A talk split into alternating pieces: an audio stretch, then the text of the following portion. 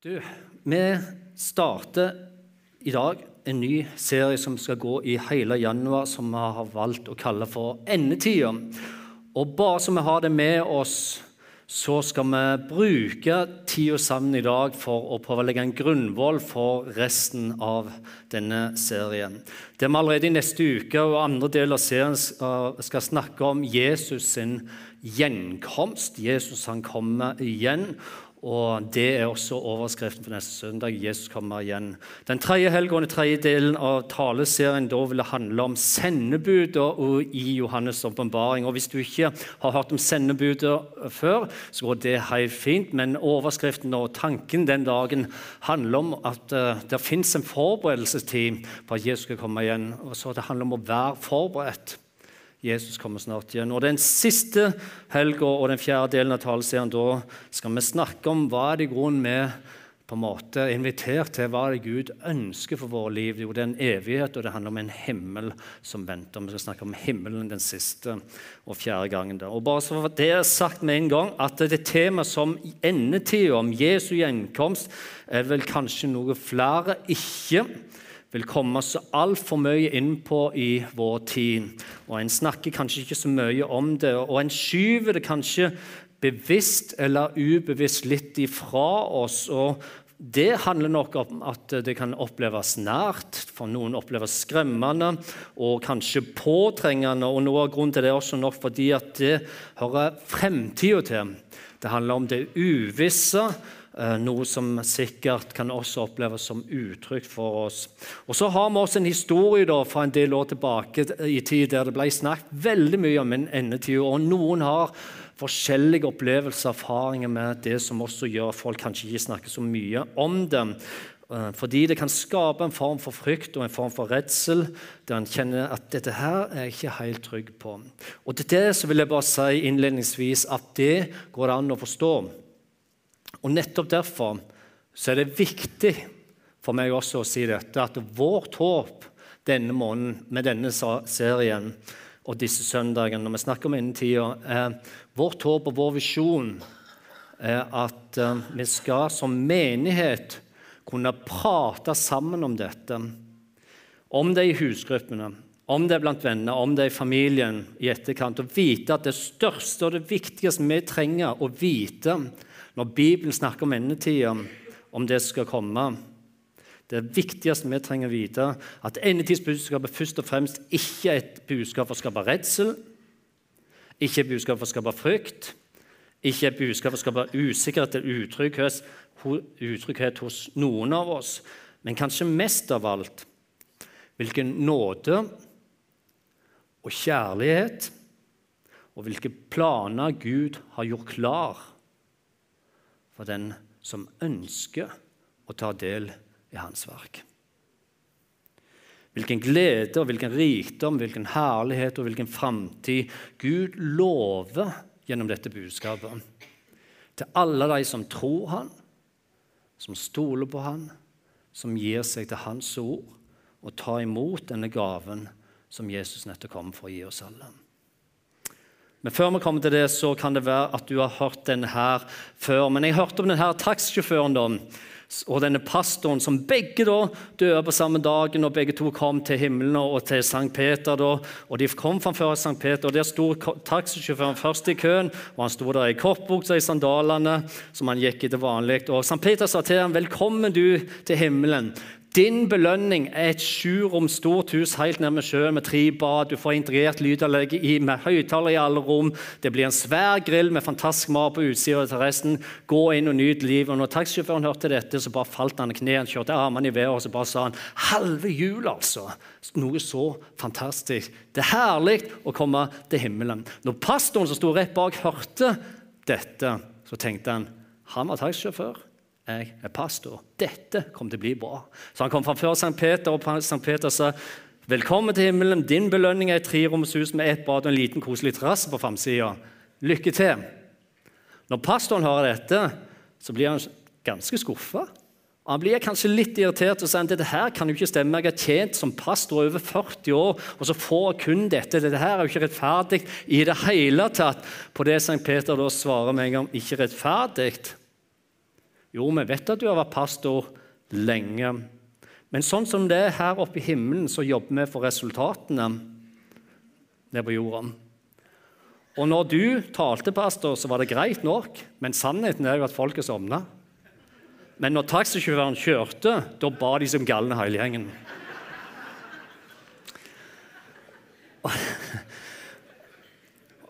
Ok.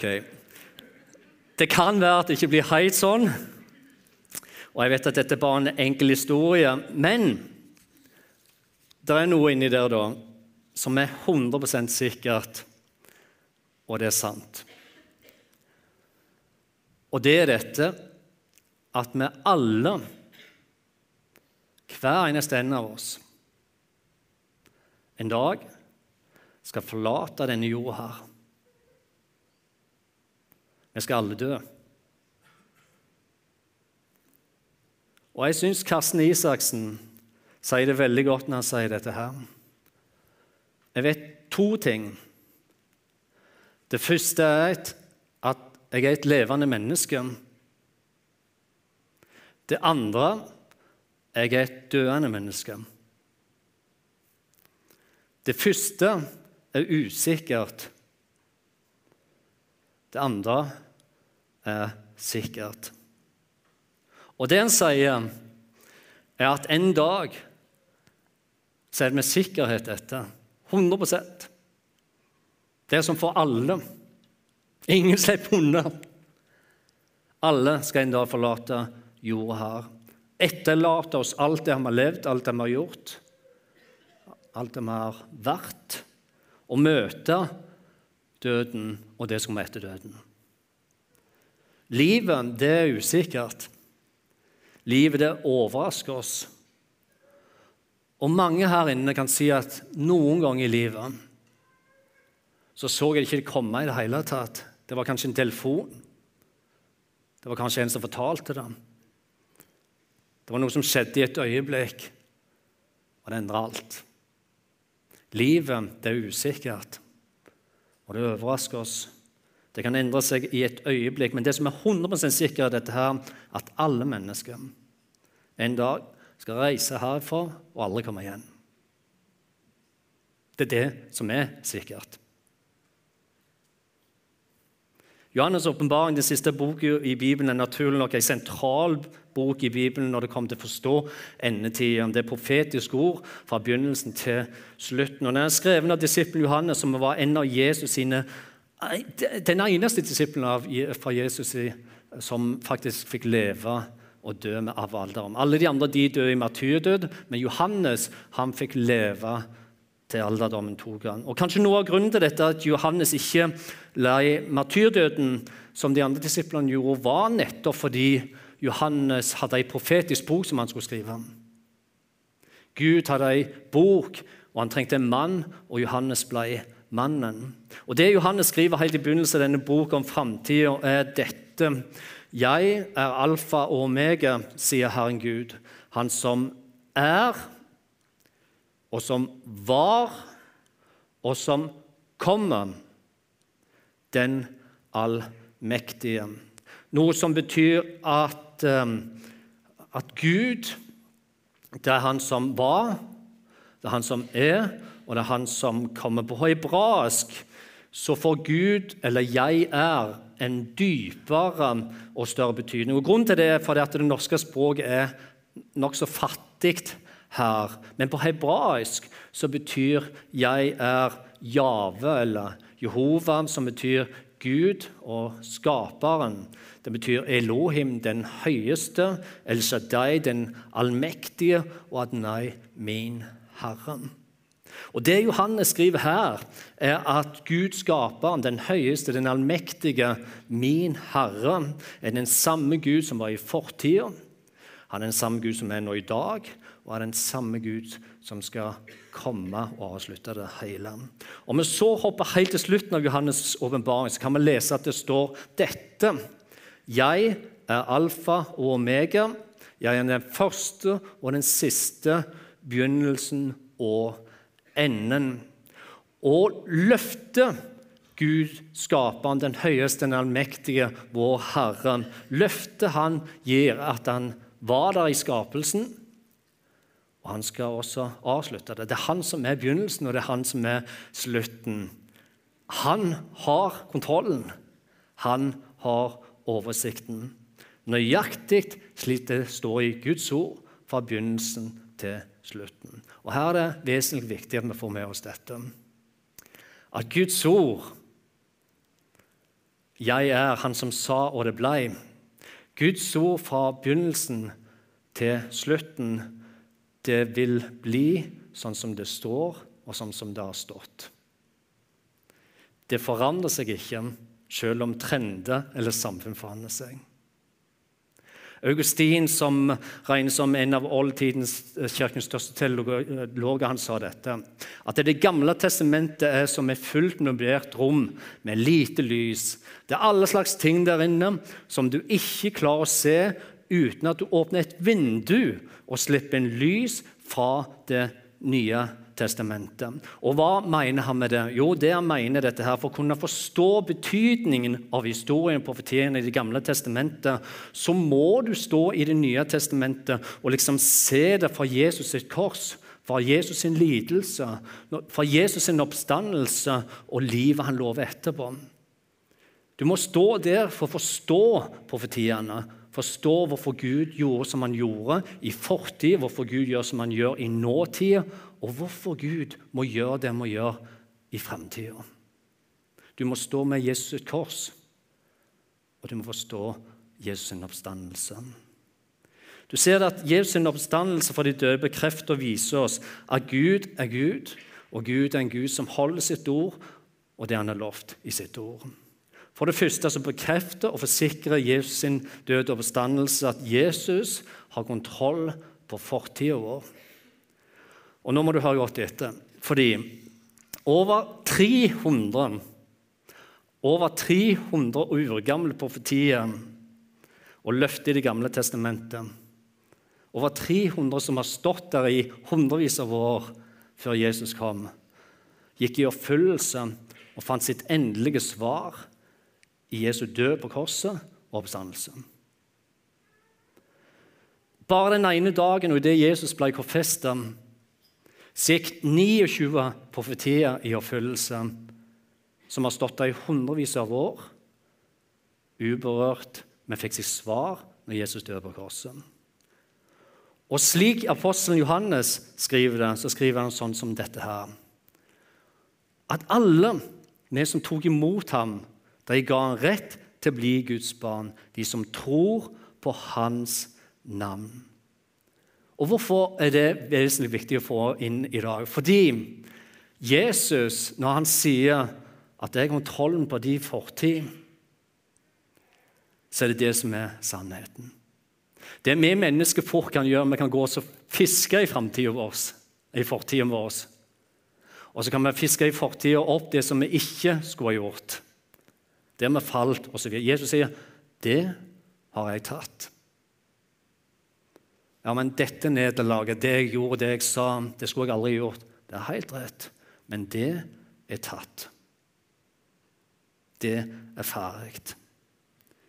Jesus bekrefter og forsikrer med oss med sin død på korset at fortida vår, synden vår, den har han kontrollen på. Og Det andre Jesus oppstandelse forsikrer oss om, er nåtida. Fordi idet Jesus sto opp for de døde, så vant han også over døden. Noe som igjen betyr han lever nå i dag.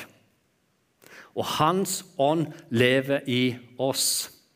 Og igjen, Det er mange steder i Bibelen som underbygger dette og som beviser dette. Og Kanskje et av de tydeligste stedene finner vi apostelen Peters tale på pinsedagen i Jerusalem, der Peter siterer fra Det gamle testamentet og profeten Joel og sier at Joels profeti om de siste dager den ble oppfylt på denne dagen. Og Peter han sier sånn som dette her. Men her, altså på pinsedag, men her skjer det som er sagt gjennom profeten Joel. Joel i de siste dager skal det skje, sier Gud, at jeg øser Og jeg bare elsker det navnet der. Det kan være fordi jeg er jærbu og vi er vant å øse. Jeg vet ikke, Vi er ikke så gode med båt, så vi øser hele tida. Men det står at jeg, altså Gud, øser ut av sin ånd. Det er ikke småtteri. Det er ikke noen dråper her og der. Nei, han øser ut av sin ånd. Over hvem? Over alle mennesker. Over alle mennesker. Som betyr at det Bibelen viser oss i dette her, at når Bibelen da snakker om de siste dagene, så er det fra pinsedag og fram til i dag. Det starta ved pinsen, når Gud begynte å øse sin ånd over alle mennesker. Og det fortsetter, og det skal tilta, og det skal tilta. Vi snakker om de siste dagene til starten på pinsedag. Guds løfte for gammel tid, det profetene sa, var at den dagen så skulle alle mennesker kunne ta imot Den hellige ånd. Da starta en ny tid. Den siste tida. Og Gud han holder ikke tilbake. Alle de som ønsker, kan komme og ta imot Hans ånd. Han øser ut, full av nåde, full av kjærlighet, tilgivelse. Han øser ut av sin ånd. Det Jesus oppstanden forsikrer oss om, er dette at så lenge du lever her på jorda, så vil Gud øse sin ånd over deg. Du elsker. Han ønsker bare det beste for ditt liv. Det er nåtida som Jesus forsikrer oss om. Og Det tredje Jesu oppstandelse forsikrer oss om, er dette her, det er fremtida. Noe som betyr igjen at det fins et nytt liv på den andre sida av grava. Om det er én ting som er sikkert i det alltid usikre møtet i livet, så er det dette her. Menneskets liv, våre liv og vår historie, den er ikke meningsløs. Den er ikke kynisk. For hadde det ikke vært noe mer, så hadde det vært meningsløst, og det hadde vært kynisk. Nei, vi er på vei mot et fantastisk klimaks og et vidunderlig liv. Og når Johannes fikk lov til å se dette her, når han begynte i åpenbaringsboken, skriver Gud bare gir ham disse her visjonene, disse bildene og disse synene som han får se, så skriver han det veldig kort. og Her er det mange vers vi kunne hente opp. men jeg skal ta med dette her. Han skriver dette. Og jeg så en ny himmel. Og Johannes han får se en ny jord. For det første himmelen den første jord, det var borte. Og havet det fantes ikke mer, og jeg så den hellige byen, det nye Jerusalem, stige ned fra himmelen for Gud, gjort i stand og pyntet som en brud for sin brudgom. Og hørte for tronen høyre som sa, Se, Guds bolig er hos menneskene, han skal bo hos deg, og de skal være hans folk, og Gud sjøl skal være hos deg. Han skal være deres Gud. Da skal det ikke være noe gråt lenger ingen smerte. Synden den fins ikke mer. Det skal ikke være noe lidelse lenger, og heller ingen atskillelse av dem vi elsker lenger. Da skal vi endelig få se hverandre og Jesus ansikt til ansikt. C.S. Lewis, som er forfatter som har skrevet mange gode bøker, han summerer det veldig godt opp i en av sine Narnia-bøkene han beskriver sånn som dette her. Skolen er over. Ferien har begynt. Drømmen er slutt. Dette er morgengryet.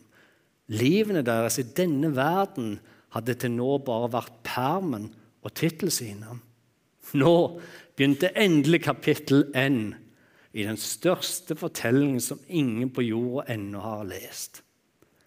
Den fortsetter i all evighet, og hvert kapittel er bedre enn det forrige.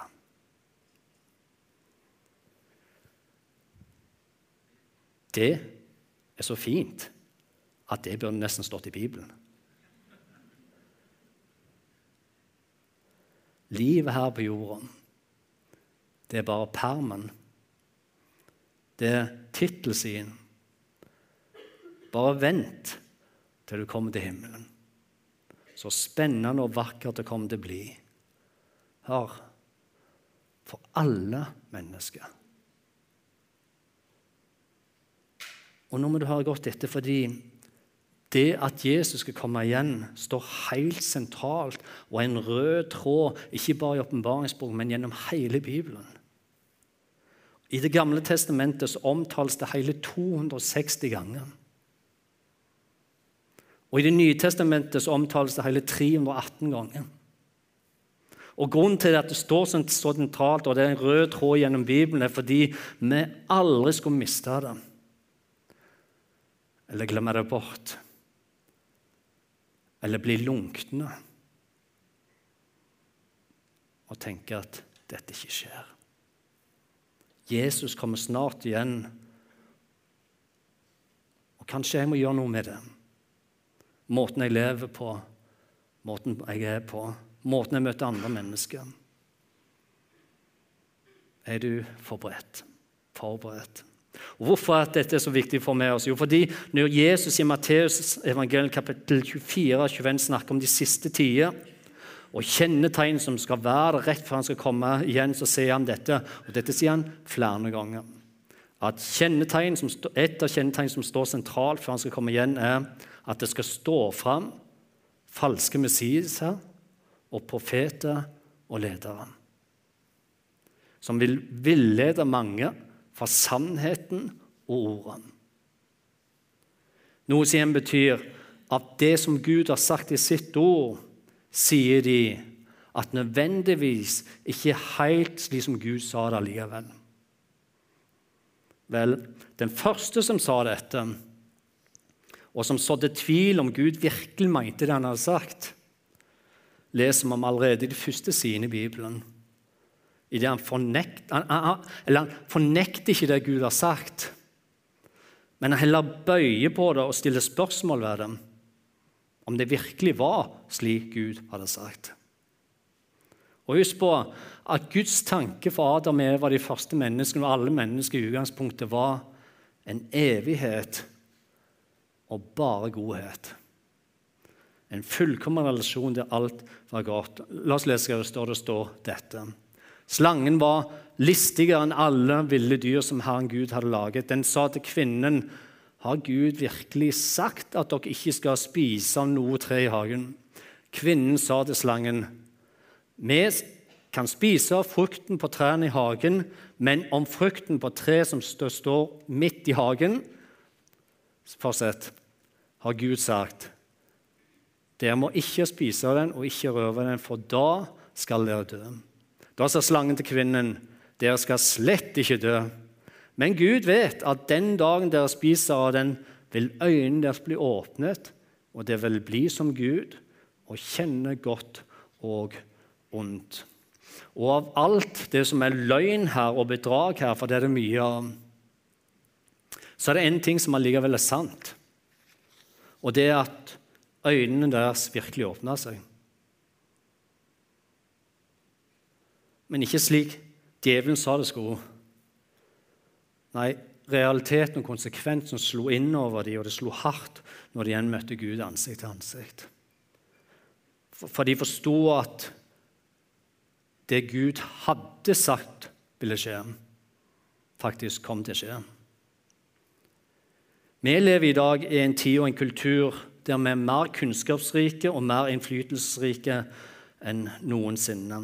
I vår sekulære, vestlige forståelse av verdensbildet så er det ikke uvanlig å lese og høre om det i media eller i kommentarfelt, eller til og med fra veiledere og kirkeledere, at Bibelen og Guds ord ikke er helt oppdatert, og kanskje ikke mer enn et eventyr foreldre har gått ut på dato og kan ikke tas helt på alvor. Det kan ikke forstås på noen annen måte enn at vi står midt i en åndelig kamp. En kamp, en åndelig kamp som handler om menneskeheten. Om løgnens far versus sannhetens far. I Johannes' åpenbaring 12,9 beskrives løgnens far som han som forfører hele verden. Og En av de sterkeste strategiene han bruker, og Jesus sier at han kom til å intensivere de siste dagene, er at han på alle måter ønsker å svekke betydningen og erkjennelsen av Guds ords autoritet og sannhet. Det var dette han gjorde allerede i hagen med de første menneskene. Og Den samme strategien som man vil intensivere i de siste tider og rett før Jesus kom igjen. Han benekter ikke det Gud har sagt. Nei, han står for det. Han tror jo faktisk på Guds ord og vet det er sant. Så til og med djevelen benekter ikke Guds ord. Men det er også derfor Jesus i Bibelen sier og betegner han som forføreren. Fordi samtidig som han ikke benekter Guds ord, så former han og lager han en tolkning og en tilpasset forklaring. Litt og litt som passer våre ønsker, våre tanker, det vi ønsker. Og Det kan fort bli en lære som er sånn som dette her. At alt skal forstås, fattes og begripes. Og det vi ikke forstår som mennesker, må det være noe galt med. Da kan det vel ikke stemme. Og Var det ikke nettopp dette de første menneskene falt for? At de sjøl skulle bli som Gud? For kunnskapen til å dømme sjøl, slik at de kunne bestemme hva som var godt, og hva som var ondt. Med andre ord ikke motsi ordet direkte, men justere det litt, slik at det passer med vår kunnskap, vår tanke. Paulus skriver det sånn som dette her. Nå ser vi i et speil, i en gåte men da, når Jesus kommer igjen, når vi kommer til himmelen, da skal vi se ansikt til ansikt. Hvordan er det nå? Nå forstår jeg stykkevis. Jeg ser ikke hele bildet. Men da skal jeg erkjenne fullt ut slik Gud kjenner meg. Fordi Gud kjenner meg, vår fortid, vår nåtid og vår framtid bedre enn jeg gjør sjøl.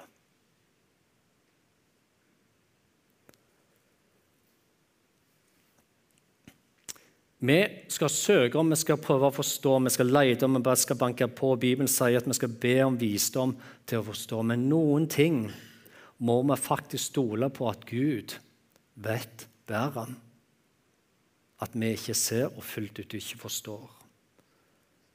Du ser det at Dagen kommer når Gud skal dømme denne verdens løgner, denne verdens forførere, og bringe rettferdighet til de som fikk livet sitt ødelagt av uretten. Når vi hører at over 300 millioner kristne årlig forfølges for sin tro, Åpne dører er kilden. Når vi hører at 16 kristne drepes hver dag for sin tro, da forstår vi hvorfor så mange kristne roper til Jesus 'Kom snart igjen'.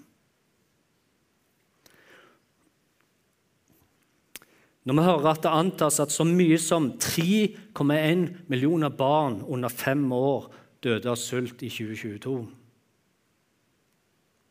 og så mye som 19 700 mennesker dør av underernæring eller feilernæring hver dag.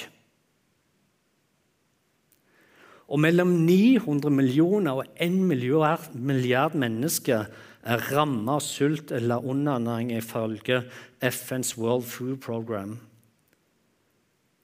Da forstår man at de roper etter rettferdighet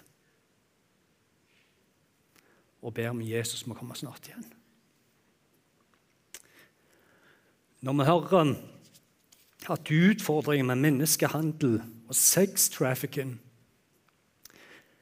er så stort i dag at de ikke klarer å tallfeste det. Vi sier at det er millioner på millioner mennesker, barn og unge, som hvert år blir tvungen og utsatt for seksuelle overgrep på det groveste.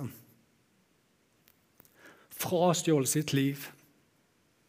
Ødelagt liv. Da forstår vi, som jevnt over lever et beskytta liv her i vår vestlige, sekulære velstandssamfunn, at Bibelens endetidsbudskap, der Gud en dag skal stå opp for disse barna her, de undertrykte, de fattige, de som er blitt misbrukt og ødelagt, og dømme rettferdig for uretten de har opplevd. Ja, da forstår også vi at denne tidsbudskapet er en kjærlighetserklæring. Og det eneste rette å gjøre. Fordi Gud kommer til å holde det han har sagt i sitt ord. Du ser at endetid og endetidsbudskapet må vi aldri glemme. At det er en fortelling, det er historier, det er profetier som er fullt av nåde og omsorg og kjærlighet for menneskets liv. Det er kjærlighetsbudskap fra en far som elsker sine barn, og som ønsker å si ifra at dette må skje. Vær forberedt. Dette er det eneste rettferdige og det eneste rette. Dette er gode nyheter, og det er nåden og det er tilgivelse fordi det kommer en framtid der jeg skal gjøre opp alt. Vi alle, alle er gitt en mulighet. Derfor endetidsbudskapet er kjærlighetsbudskap fordi alle mennesker er gitt en mulighet og friheten til å velge sjøl om vi ønsker å ta imot gaven. Ta imot nåden, ta imot frelsen. Tro på Hans ord, eller vi kan velge det vekk. Jesus sa det sånn som dette om de siste tider og det som var nødt til å skje i endetida. Så sier han her La ikke hjertet bli grepet av angst. Tro på Gud og tro på meg. Det er løsningen. La ikke hjertet bli grepet av angst. Tro på Gud og tro på meg. I min fars hus er det mange rom.